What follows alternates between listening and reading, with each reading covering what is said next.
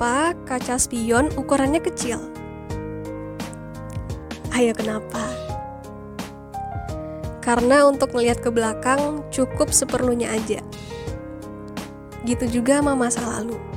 Ngelihat masa lalu cukup sewajarnya aja. Masa lalu tuh cukup diingat dan dijadikan pembelajaran. Biarlah kenangan masa lalu itu yang indah-indahnya abadi dalam ingatan dan catatan. Kalau kenangan pahit, kita jadikan pembelajaran. Gak perlu sumpah serapah. Kalau nyesel, bolehlah. Tapi nyeselnya harus dibaringi dengan take action untuk perbaikan. Take action untuk perubahan.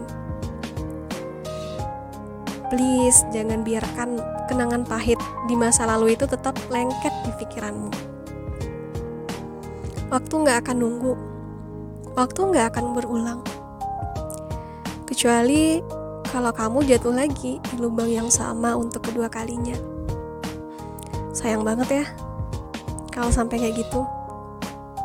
Tapi semoga enggak. Semoga kamu bisa move on dan tumbuh. Please, jangan bebani pikiranmu dengan menggendong sampah dari masa lalu tuh ke mana-mana. Sampai membebani mental, membebani emosi, itu akan sangat-sangat merugikan diri sendiri.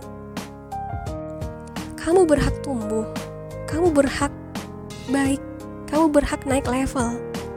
Apa pun yang terjadi di masa lalu, nggak peduli. Kamu punya hak untuk tumbuh dan berkembang. Masa lalu, ya udah jadikan pembelajaran. Masa depan akan tetap ada. Kita nggak bisa ngontrol masa lalu, tapi masa depan ada di tangan kita. So, kamu bisa bikin perencanaan untuk masa depanmu. Apa yang kita capai hari ini, apa kondisi kita hari ini, adalah akumulasi dari apa-apa yang kita lakukan di masa lalu.